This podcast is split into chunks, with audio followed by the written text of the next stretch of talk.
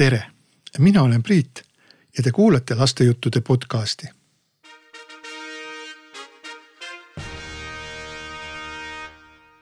täna loen ma teile ühe loo, mille on kirjutanud kuulus muinasjutuvestja Hans Christian Andersen ja selle nimi on Keisri uued rõivad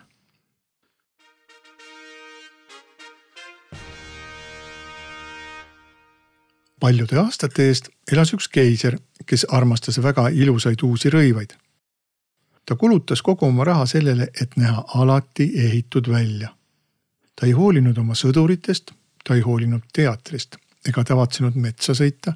ta tahtis vaid oma uusi rõivaid näidata. tal oli igaks tunniks päevas eraldi frakk ja kui tavaliselt öeldakse keisri kohta, ta on nõu pidamas, siis selle keisri kohta lausuti. keiser on riietumas. Suures linnas, kus kuningas elas, oli väga lõbus. iga päev käis siin palju külalisi ja ühel päeval sattus linna ka kaks petist. Nad nimetasid end kangruteks ja ütlesid, et mõistavad kududa kõige kaunimat kangast maailmas. mitte üksi värvid ja mustrid ei olevat erakordselt ilusad, vaid sellest kangast õmmeldud rõivail olevat säärane hämmastav omadus et need on nähtamatud kõigi inimeste jaoks, kes oma ametisse ei sobi või on andestamatult napi aruga. Need peavad küll olema imepärased rõivad, mõtles keiser. kui ma need selga panen, saaksin teada, millised mehed minu riigis oma ametisse ei kõlba. siis saan eristada tarku rumalatest. jaa, sellist kangast tuleb mulle otsemaid kududa. ta andis petistele palju raha, et need saaksid oma tööga pihta hakata. Nood seadsid üles kahed kangasteljed, millel vanasti riied kooti ja tegid näo, nagu teeksid tööd. kuid neil polnud telgedel niidi otsakestki.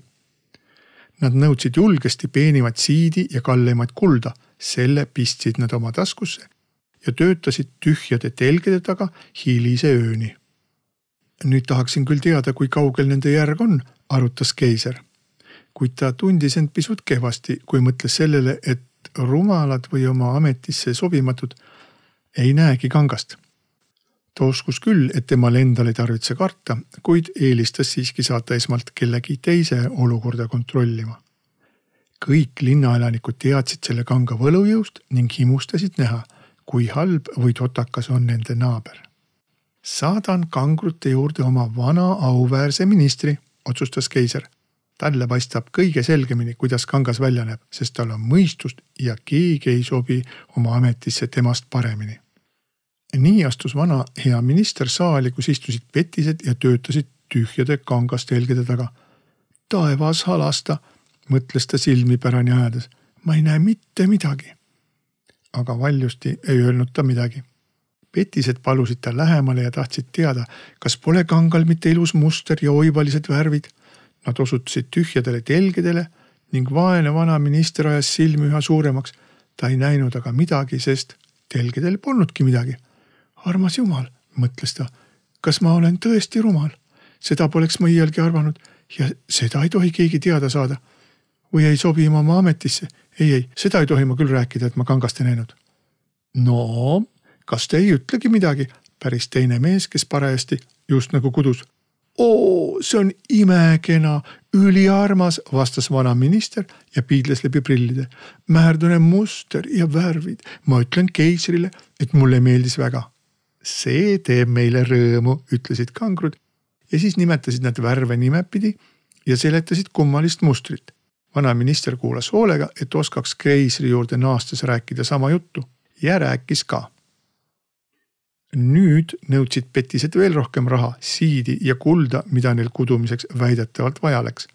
Nad pistsid aga kõik oma taskusse ja telgedele ei jõudnud niidi otsagi. kangrud jätkasid samal ajal tühjade telgedega askeldamist. varsti saatis keiser jälle ühe tubli ametniku, kes pidi järele vaatama, kuidas kudumine edeneb ja kas riie saab varsti valmis. temaga läks samamoodi nagu ministriga mees vaatas ja vaatas, aga kuna näha polnud midagi peale tühjade telgide, siis no muidugi ei näinudki ta mitte midagi. kas pole kena riidetükk, pärisid petised ning näitasid ja seletasid imetabast mustrit, mida loomulikult olemaski polnud. rumal ma küll ei ole, mõtles ametnik, aga vahest ei sobi ma oma ametisse. see oleks ju ilmselge, aga ma ei tohi midagi öelda. Seepärast kiitis ta kangast, mida ta ei näinud ja kinnitas kangrutele oma rõõmu rabavate värvide ja imekauni mustri üle.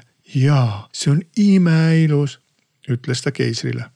toredast kangast rääkisid kõik linnakodanikud. nüüd tahtis keiser ise seda näha, kui see veel telgedel rippus ta kogus kokku valitud saatjaskonna, kuhu kuulusid ka kaks vana tublit ametnikku, kes olid juba varem kohal käinud ja saabus nendega kavalate petiste juurde, kes nüüd kõigest väest ilma niidi ja lõimeta kudusid.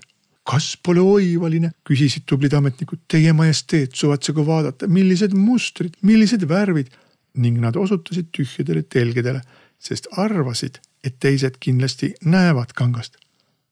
mida see tähendab, mõtles keiser, ma ei näe mitte midagi see on ju kohutav. kas ma olen rumal või ei sobi keisriks?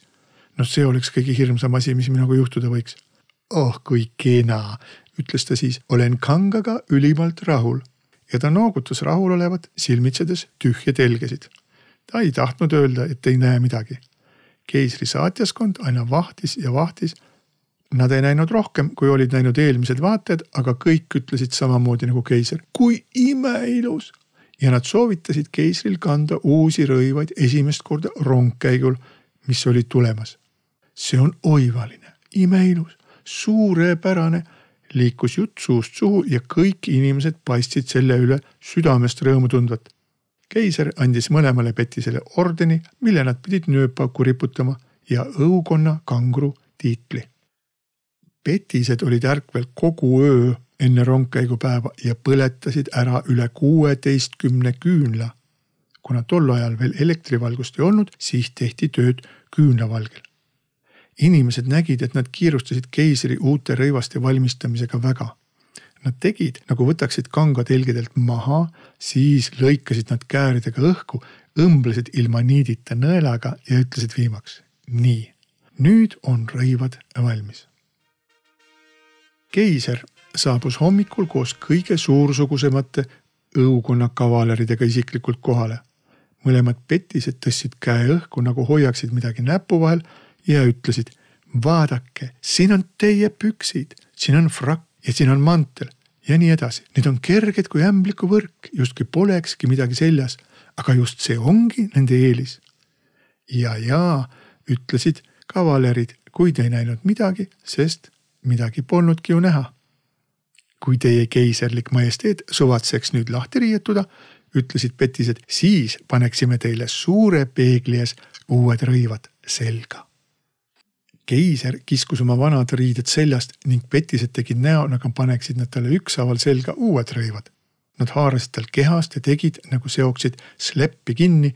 keiser pöörles ja keerles peegli ees. taevake, kui hästi talle kõik sobib ja kui oivaliselt istub, ütlesid kõik milline muster ja värvid, see on hinnaline kangas. väljas oodatakse teid troonikatusega, mida rongkäigu ajal teie majesteedi kohal kanda tuleb, lausus ülemtseremooniameister. kohe olen valmis, kostis keiser. kas need ei sobi oivaliselt?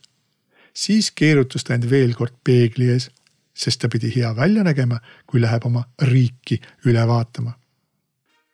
kammerhärrad, kes pidid sleppi kandma, katsusid käega põrandat, nagu tahaksid sleppi üles tõsta.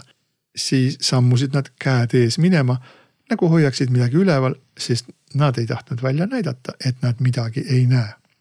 Nii sammus keiser uhke troonikatuse all ning kõik inimesed tänaval ja akendel ütlesid, oo taevas, millised ennenägematud rõivad on keisril. Märdune imepärane slepp on ta fraki küljes, kui hästi see istub sest keegi ei tahtnud välja näidata, et ta midagi ei näe sest siis poleks ta ju oma ametisse kõlvanud või oleks olnud napi aruga. mitte kunagi varem polnud keisri riided tekitanud säärast elevust. Aga kuningas on ju alasti, hüüdis korraga üks väike laps. kuulake süütu lapsukese häält, ütles lapse isa ja sosistas teistele. siin on üks väike laps, kes ütleb, et kuningas on alasti. ta on tõepoolest alasti, hüüdis viimaks kogu rahva hulk keiser värises, sest talle tundus, et neil on õigus. kuid ta mõtles endamisi. rongkäigu lõpuni pean ma küll vastu pidama. Ja siis sammus ta veel uhkemalt edasi ja kammerhärrad tulid ta sabas ja tassisid sleppi, mida polnudki olemas kaks petist olid aga juba ammu seitsme maa ja mere taha kadunud.